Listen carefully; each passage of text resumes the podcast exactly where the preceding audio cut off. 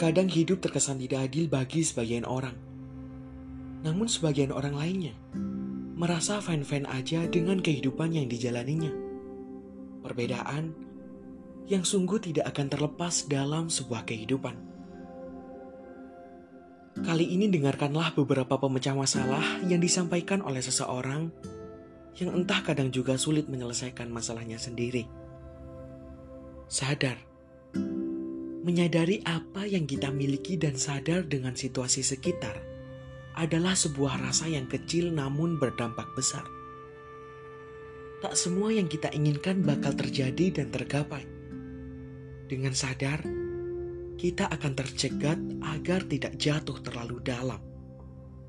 Hanya karena sebuah ekspektasi yang terlalu tinggi.